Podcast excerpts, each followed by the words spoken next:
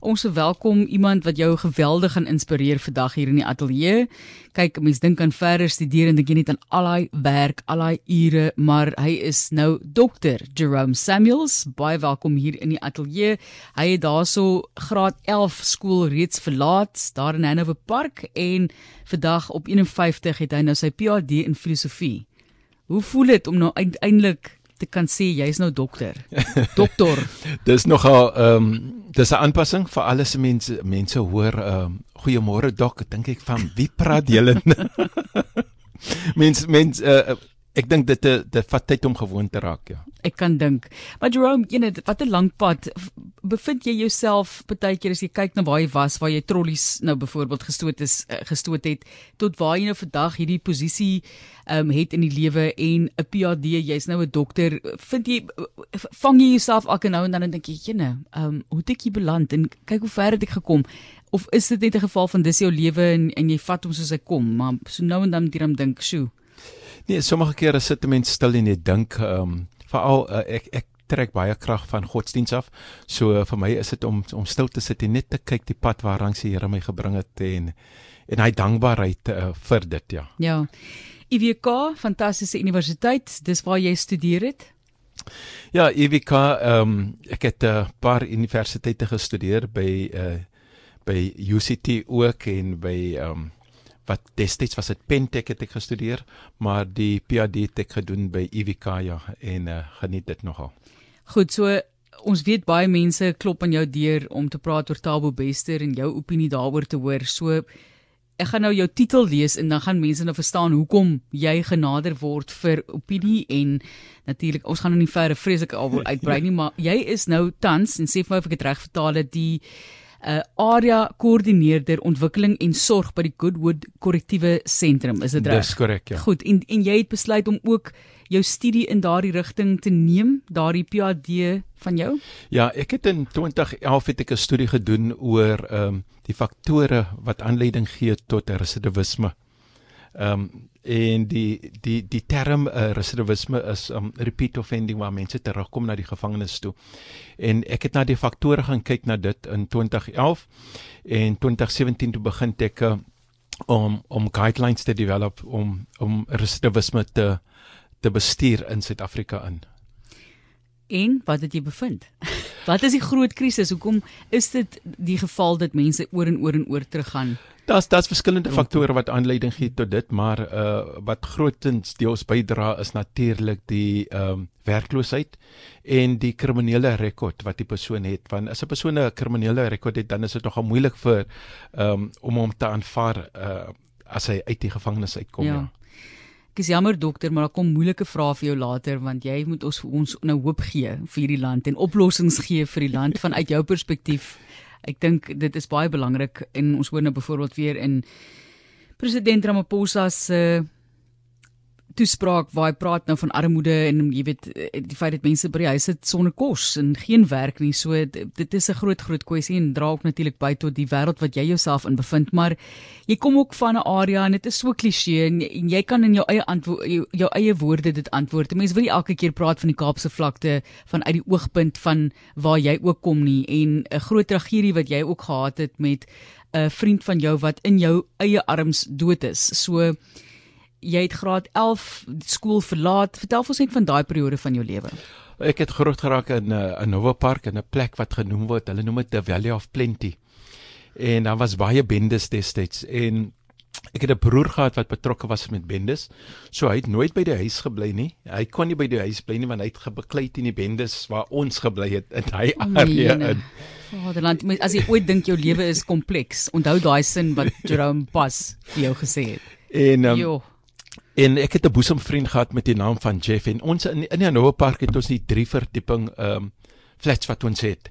En ons het op die boonste flat gestaan en iets het gebeur en hy het gesê hy gaan gou vasstel die suster en die suster se kerel het 'n 'n stryery gehad en hy gaan kyk en terwyl ons so staan sien ek hoe die persoon toe 'n mes neem en hy steek die vriend van my dood en ehm um, terwyl ek afhardloop sterf hy en hy sterf in my arms in.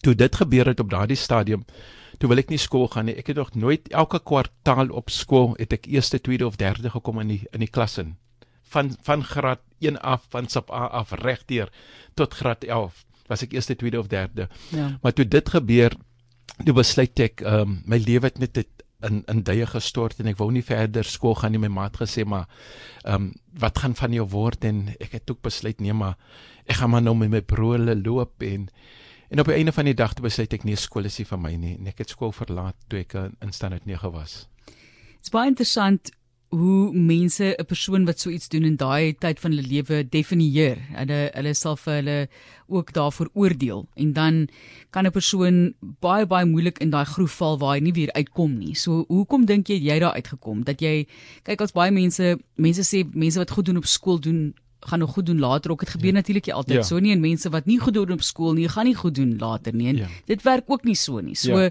hoekom dink jy kon jy uit daai posisie uitkom en laterand nou sit met 'n doktorsgraad? Ek, ek dink twee faktore wat aanleiding gegee het tot dit is ehm um, die een is ehm um, dit handel oor keuses in die lewe.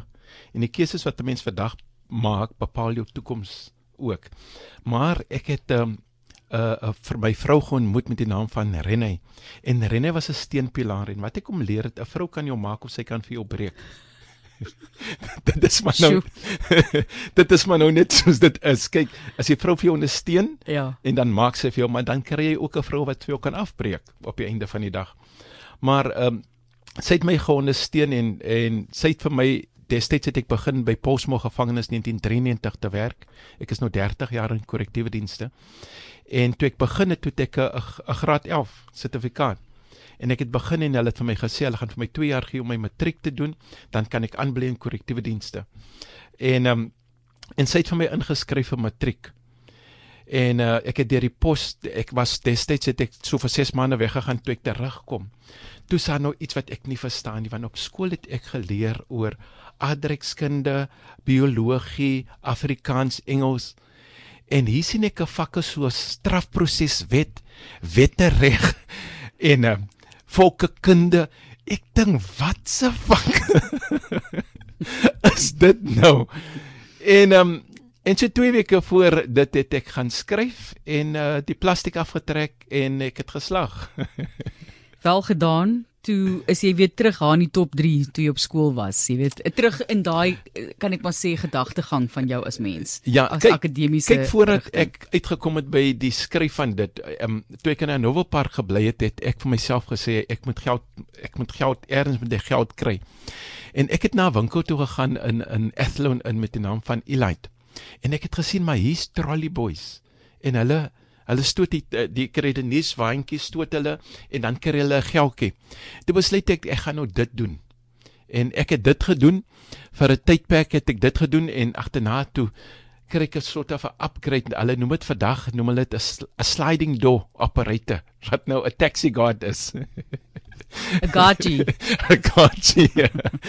en toe ek nou dit gedoen en ek het 'n um, 'n taxi um guard gewees en ek moet vir jou sê ek het dit baie goed gedoen nie want ek kon nou een keer terwyl ons in die taxi sit en 'n vrou klim in en terwyl sy uitklim maak ek die deur toe en haar tree het so vasgehak in die deur en ek hoor net iemand skree drywe drywe drywe is daai probleem toe wel opgelos asseblief. Dit dit was opgelos okay. gewees en ehm um, daarvan en af en toe dink ek nee, dis nie vir my nie en ek het 'n tolpekke geword by Grand Bazaar. Dis was almos Grand Bazaar. Ja, ja.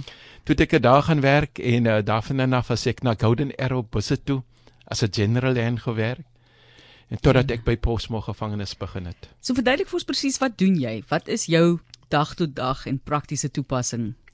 My rol by korrektiewe dienste tans as ARKO-koördineerder ehm ehm ehm vir versorg en so aan ek ek oorsien al die professionele mense so by Groot gevangenes soos die sielkundiges, die dokter, die apteker, die onderwyser ehm um, so die mense uh, um, maatskaplikes, hulle wat werk met die gevangenes. Ja. So ek oorsien daai mense ja. Geniet jy jou werk? Verskriklik baie. Ek geniet wat ek doen, veral as 'n mens met mense werk. 'n um, Passie vir my is om met die gemeenskap te werk en terug te gee aan die gemeenskap. Hier kom die moeilike vrae. Dis Dr Jerome wat hier by ons sit uh, in die ateljee vir 360 vandag en Dr Jerome Samuels wat nou onlangs op 51 sy PhD in filosofie gekry het en op graad 11 of in graad 11 het hy skool verlaat daar in Hanover Park nadat 'n vriend van hom dood is en groot groot uitdagings daarso en uh, Renay, dankie Renay, as jy nou enigstens luister. Ehm um, ja, ek hoop sy luister met die twee kinders ook, Storm en Stacy Lee is die kinders se naam. Kom ons praat gou vinnig net oor 'n motivering vir iemand anders wat dalk ook in so 'n groef geval het en hulle hele lewe lank sukkel om daar uit te kom of jy het vir hulle 'n wekroep vandag jy dat jy jou lewe kan verander dat jy wel hier geweldige sukses kan bereik. Ek dink wat belangrik is veral vir iemand wat kom uit die Kapse vlakte. Dit handel oor jy moet jou eie identiteit hê. As jy nie identiteit het, as jy groot raak in areas soos Manenberg, Hanover Park, Bonteheuwel, ehm um, Elsies rivier, jy moet jou eie identiteit hê. As jy nie identiteit het nie, dan gaan die gangsters vir jou identiteit gee of die bendes gaan vir jou ja. identiteit gee of jy gaan 'n American word of jy gaan 'n 'n uitsel word of jy gaan 'n mongrel word. So eerstens jy moet jou eie identiteit hê en baie belangrik jy moet weet waarheen jy op pad is in die lewe in. As jy nie weet waarheen jy op pad is, jy gaan jy nêrens opeindig nie. So dit is vir my belangrik en Ek sê altyd vir jong mense as ek met jong mense praat, moet nooit laat jou omstandighede jou gesindheid verander nie. Want ek kon ook destyds, ek het in moeilike omstandighede groot geraak. Ek het groot geraak um, in 'n situasie waar my 'n pa wat 'n alkoholist was, 'n broer wat 'n bende was. So en ek kon hou tye toe ek skool toe gegaan het. En ek sê dit altyd dat um, dan het ek 'n skoene gehad en dan kom ek by die huis dan moet ek 'n kaartbord vat en in die skoen insit en elke middag dan moet ek daai cardboard moet ek vervang van as ek uh, veral in die winter en dan kom ek by die huis en die kouse is nat en en dan sit jy maar die cardboard in en jy gaan aan en daarom sê ek ek weet wat dit is om nie te het nie en ek ken moeilike omstandighede maar ek het nooit gelaat toegelaat dat my omstandighede my gesindheid verander nie. Sjoe, As jy enigstens teruggaan, hoe ervaar jy Hanover Park vandag? Ek is nie seker of jy nog daar bly nie. Ehm um, my my ma bly nog steeds daar sy is vir 50 jaar daar so uh, sy wou nie trek nie. Ehm um, maar ek gaan nog terug. Ja. En ehm um, ek geniet dit om ek werk in areas soos Pontevo, ehm um, in Novo Park in Mannenberg, ehm um, en dit is lekker vir my om terug te gee en veral met die met die jeug te werk in dit in. Maar ek moet ook sê as ek daar kom dan vra hulle mos nou altyd um het jy nie vir my 'n 5 rand of het jy nie 'n 10 hmm. nie?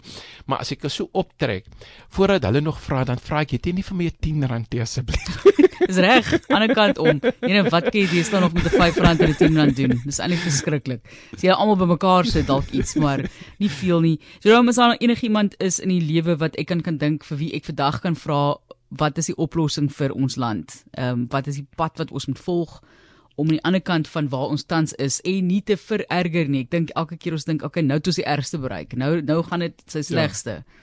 En dan kom maar nog 'n vlak en ons hoor gereeld van mense se sielkundige toestand in ja. Suid-Afrika ja. wat agteruit gaan weens dinge soos beerdkrag, weens ja. die korrupsie en so aan.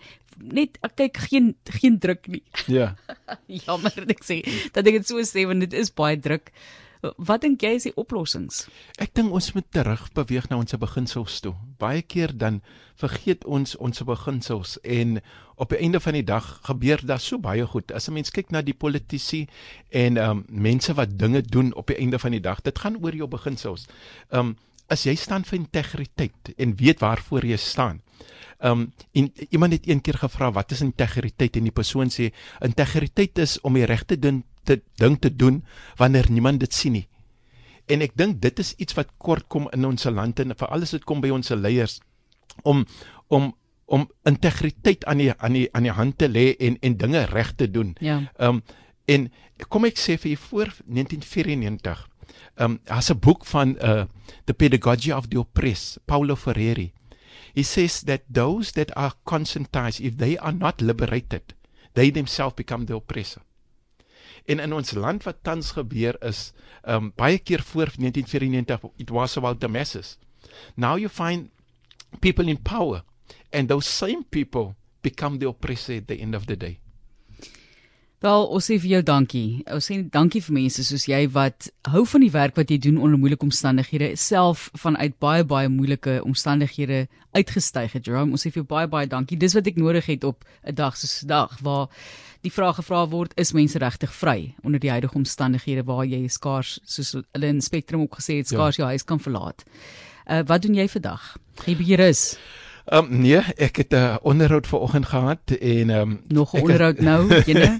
nee, ek is op pad waar ons ons het 'n Liverpool en 'n Manchester supporters klub en ons het besluit om by mekaar te kom om juis aan te spreek die gender-based violence. So ons speel teen mekaar en dan die fondse wat gegenereer word, gee ons dan aan 'n shelter wat werk met vroue wat gemishandel is in dit. Fantasties. Jene Jerome, baie dankie mag die beste span wen. Ek gaan nie kante kies daar nie. Okay. Mooi bly. Baie dankie dat jy kom kuier het. Um, ons kan vir lank met hom praat dink ek. Daar's so baie om nog te bespreek, maar dit is Dr. Jerome Samuels nou en hy het pas sy PhD in filosofie voltooi op 51 daar by die Universiteit van Wes-Kaapland en groot geraak in Hanover Park. Gaan gereeld terug soontoe. Deur moeilike tye is dit die man wat jy tans na geluister het. Ons sê vir jou dankie vir die inspirasie meneer. Baie dankie.